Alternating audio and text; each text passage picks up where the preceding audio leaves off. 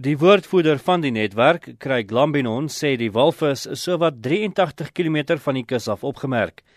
Twee bote is gestuur om met die reddingsoperasie te help. The Southern Wilderness Entanglement Network aboard an NSRI Plettenberg Bay boat uh, responded uh, together with a NSRI Neisner boat that responded as a backup safety boat.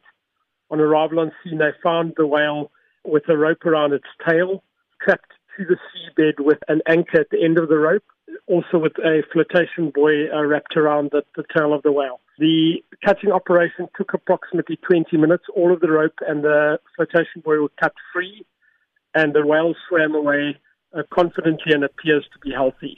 Hy sê sulke voorvalle kom nie gereeld voor nie, maar dit is gevaarlike werk wat slegs deur professioneel opgeleide personeel gedoen kan word. The South African Wilderness Entanglement Network has specialized cutting equipment. It's pretty expensive equipment um, that they purchase from Australia.